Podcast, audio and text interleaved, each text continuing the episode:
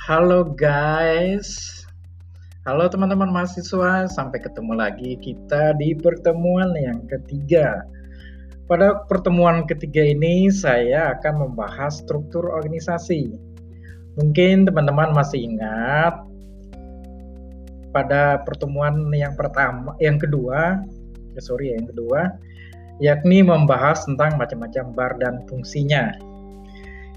Baik teman-teman, Sebelumnya saya ingin menyapa semoga teman-teman semua semuanya kabar baik, semuanya sehat, semoga semuanya baik-baik keadaannya, semoga dan kita berharap semuanya bahwa virus corona saat ini cepat berlalu, cepat lewat dan kita bisa berkumpul kembali di kampus yang kita cintai pada saat ini. Kampus saat ini benar-benar sunyi tanpa kalian, nggak seru deh. Oke baik, teman-teman semuanya, teman-teman mahasiswa yang saya kasihi saat semuanya. Saya pada saat ini akan membahas tentang struktur organisasi BAR. Nah, pada bagian awal ini saya akan menjelaskan teori-teori tentang struktur organisasi. Nah, terdapat beberapa teori dan perspektif mengenai organisasi. Ada yang cocok satu sama lain, dan ada pula yang berbeda organisasi pada dasarnya digunakan sebagai tempat atau wadah di mana orang-orang berkumpul. Nah, jadi struktur organisasi itu dibuat untuk mengumpulkan orang-orang supaya mereka bisa berkumpul satu sama lain. Nah, berkumpul yang dimaksud di sini adalah lebih dari dua orang, ya. Jadi dua orang di sini bukan artinya mereka sedang berdua tidak. Artinya dua orang di sini adalah orang-orang yang mempunyai tujuan yang sama. Ya ini ingin memajukan organisasinya mereka masing-masing. Nah, bekerja sama secara rasional dan sistematis, terencana, terorganisasi, terpimpin, dan terkendali dalam memanfaatkan sumber daya Nah, sumber daya yang dimaksudkan dalam sebuah organisasi adalah misalnya uang, ada material, ada mesin, ada metode, ada lingkungan, ada sarana prasarana, ada data, dan lain sebagainya yang digunakan secara efisien dan efektif untuk mencapai tujuan perusahaan atau tujuan dari organisasi. Nah, terbentuknya sebuah organisasi adalah ingin mencapai apa yang menjadi cita-citanya mereka Nah, kalau kita bicara perusahaan, berarti yang di cita-citanya adalah ingin mencari keuntungan, cari keuntungan yang sebesar-besarnya. Nah, berikutnya saya akan membahas tentang struktur organisasi menurut para ahli. Jadi, ada terdapat beberapa pengertian organisasi sebagai berikut. Yang pertama itu adalah menurut Stoner. Stoner mengatakan bahwa organisasi adalah suatu pola hubungan-hubungan yang melalui mana orang-orang di bawah pengarahan atasan mengejar tujuan bersama. Yang kedua, menurut James D. Mooney, mengemukakan bahwa organisasi adalah bentuk setiap perserikatan manusia untuk mencapai tujuan bersama. Nah, berikutnya menurut Chester Bernard berpendapat bahwa organisasi adalah merupakan suatu sistem aktivitas kerja sama yang dilakukan oleh dua orang atau lebih. Nah, berikutnya menurut Stephen Robin menyatakan bahwa organisasi adalah kesatuan atau entiti sosial yang dikoordinasikan secara sadar dan sebuah batasan yang relatif dapat diidentifikasi yang bekerja atas dasar yang relatif terus-menerus untuk mencapai suatu tujuan bersama atau sekelompok tujuan. Nah, berikutnya menurut Profesor Dr. Sondang Siagian mendefinisikan organisasi ialah setiap bentuk persekutuan antara dua orang atau lebih yang bekerja bersama serta secara formal terikat dalam rangka pencapaian suatu tujuan yang telah ditentukan dalam ikatan yang mana terdapat seseorang atau beberapa orang yang disebut atasan. dan seseorang atau sekelompok orang yang disebut dengan bawahan. Bawahan. Artinya di sini bahwa sebuah organisasi itu terdiri dari atasan dan bawahan. Artinya bahwa dalam sebuah organisasi itu ada jabatan yang paling rendah dan jabatan yang paling tinggi. Tetapi mereka harus bekerja sama satu dengan yang lain untuk mencapai sebuah tujuan bersama.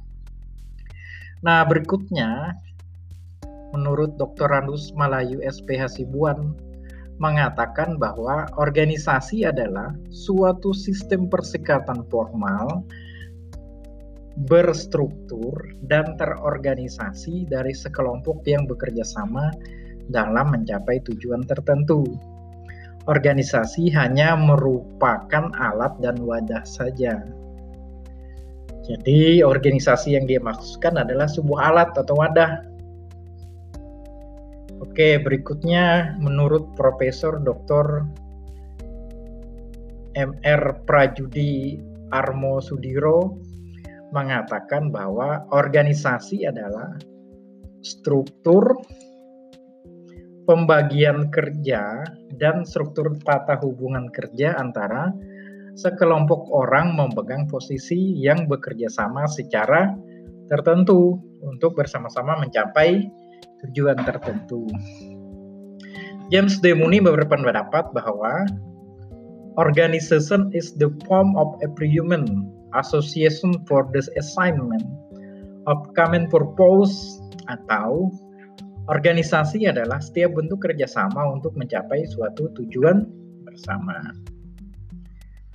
Nah, berikutnya menurut Chester Bernard tahun 1908 eh, 1938 mengatakan bahwa organisasi adalah sistem kerjasama antara dua orang atau lebih yang sama-sama memiliki visi dan misi yang sama.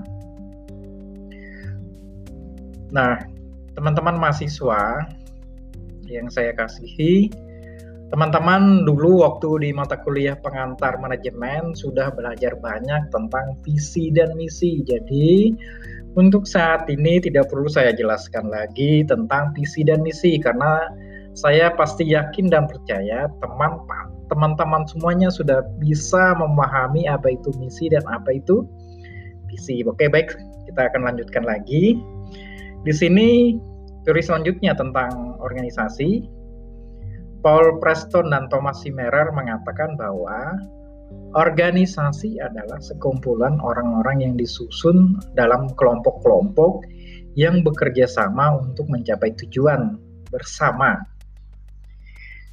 Nah, di sini dapat kita mengambil sebuah kesimpulan bahwa sebuah organisasi dapat terbentuk karena dipengaruhi oleh beberapa aspek seperti penyatuan visi dan misi serta tujuan yang sama dengan perwujudan eksistensi sekelompok orang tersebut terhadap masyarakat. Organisasi yang dianggap baik adalah organisasi yang dapat diakui keberadaannya oleh masyarakat sekitarnya karena memberikan kontribusi seperti pengambilan sumber daya manusia dalam masyarakat sebagai anggota-anggotanya sehingga menekan angka pengangguran jadi di sini yang dimaksudkan adalah dengan terbentuknya sebuah organisasi secara khusus pada saat ini kita bahas adalah struktur organisasi bar. Nah, kalau kita bicara struktur organisasi bar ini, jadi bar ini kan ada yang bergantung dengan atau yang memiliki hubungan dengan hotel. Artinya bar itu ada di hotel. Tetapi ada juga yang bar itu posisinya ada di luar. Artinya dia terpisah dengan hotel. Nah, struktur organisasi bar ini ada yang besar, ada yang kecil. Nah, semakin meluasnya struktur organisasi bar itu, dan berikutnya ada orang yang banyak kerja di situ, maka akan mengurangi masyarakat sekitar yang tidak bekerja. Artinya bahwa dengan terbentuknya sebuah organisasi dapat membantu masyarakat yang membutuhkan sebuah pekerjaan. Oke, baik. Saya akan membahas yang lain lagi. Secara khusus yang ingin saya bahas adalah peran orang-orang yang ada di dalam suatu organisasi mempunyai suatu keterkaitan yang terus-menerus. Rasa keterkaitan ini bukan berarti keanggotaan seumur hidup. Artinya gini bahwa kita sebagai anggota sebuah organisasi itu kan tidak sifatnya permanen, artinya kan tidak selamanya. Jadi ada masa waktunya. Misalnya setiap jabatan itu pasti punya ada masa waktunya, tidak selamanya.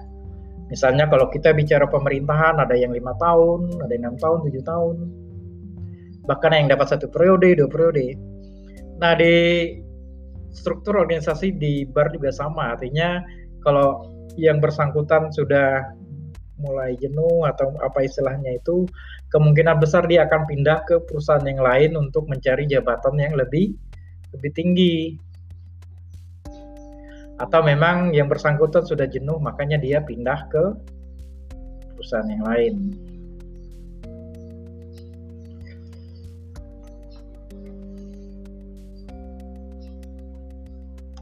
Oke, selanjutnya pada sesi ini juga saya akan membahas tentang fungsi struktur organisasi.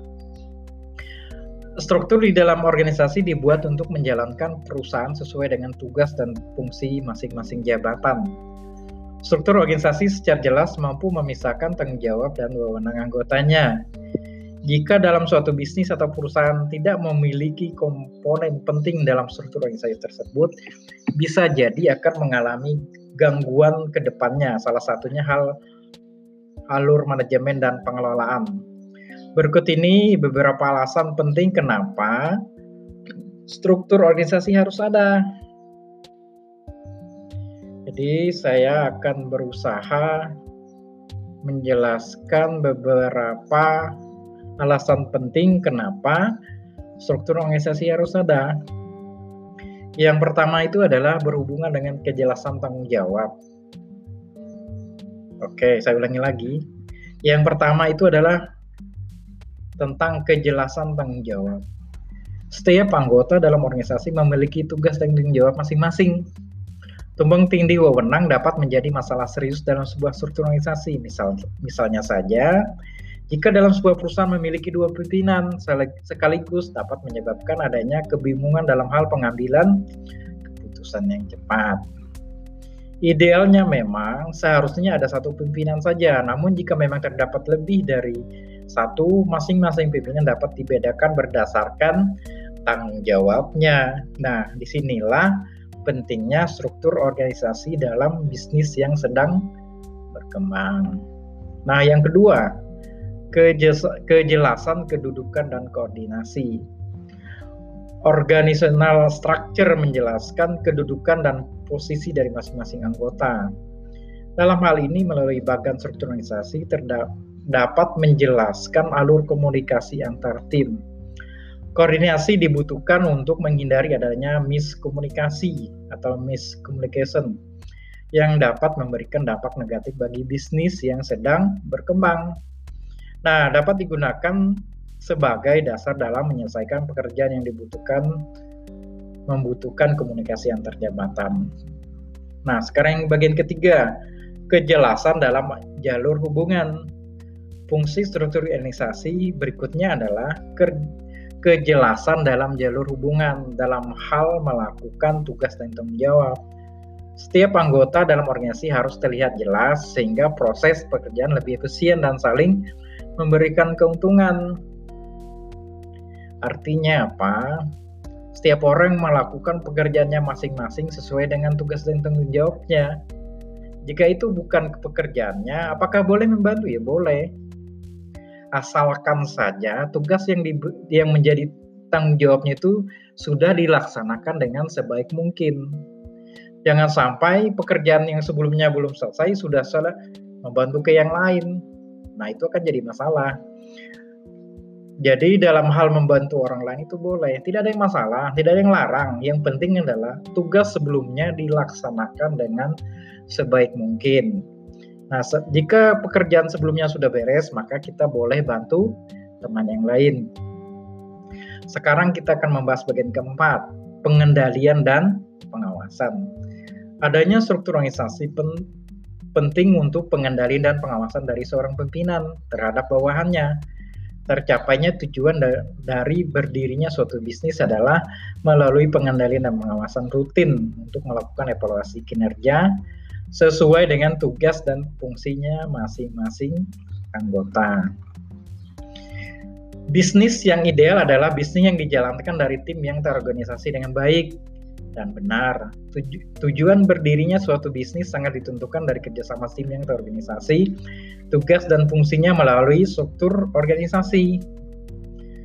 Struktur organisasi bar dibuat juga memiliki fungsi yang sama, yakni kejelasan tanggung jawab, kejelasan kedudukan, dan koordinasi kejelasan dalam alur hubungan, pengendalian, dan pengawasan. Dalam sebuah hotel, struktur organisasi bar akan tergantung dari struktur dari hotel tersebut. Apakah berdiri sendiri, yakni bertanggung jawab langsung kepada general manager atau bertanggung ber eh sorry. Oke, maaf. Bertanggung jawab kepada FMB manager. Jadi untuk dalam hal ini struktur organisasi bar yang ada di hotel itu yang menentukan adalah pihak manajemen. Jadi pihak manajemen yang mengatur apakah tanggung jawab dari struktur organisasi bar ini langsung ke GM atau lewat ke F&B manager. Kalau kita bicara hotel kecil berarti kan dia bertanggung jawab lewat F&B F&B manager. Tetapi kalau misalnya dia besar bisa jadi atau langsung bertanggung jawab ke general manajernya langsung. Biasanya kalau kita bicara struktur organisasi di hotel, semakin besarnya sebuah hotel, biasanya organisasinya itu menjadi lebih banyak. Tetapi kalau kecil tuh biasanya juga bentuknya mungkin jadi kecil. Jadi kalau kita bicara hotel, secara khusus yang berhubungan dengan struktur organisasi itu, biasanya tergantung ya, tergantung dari kelasnya hotel.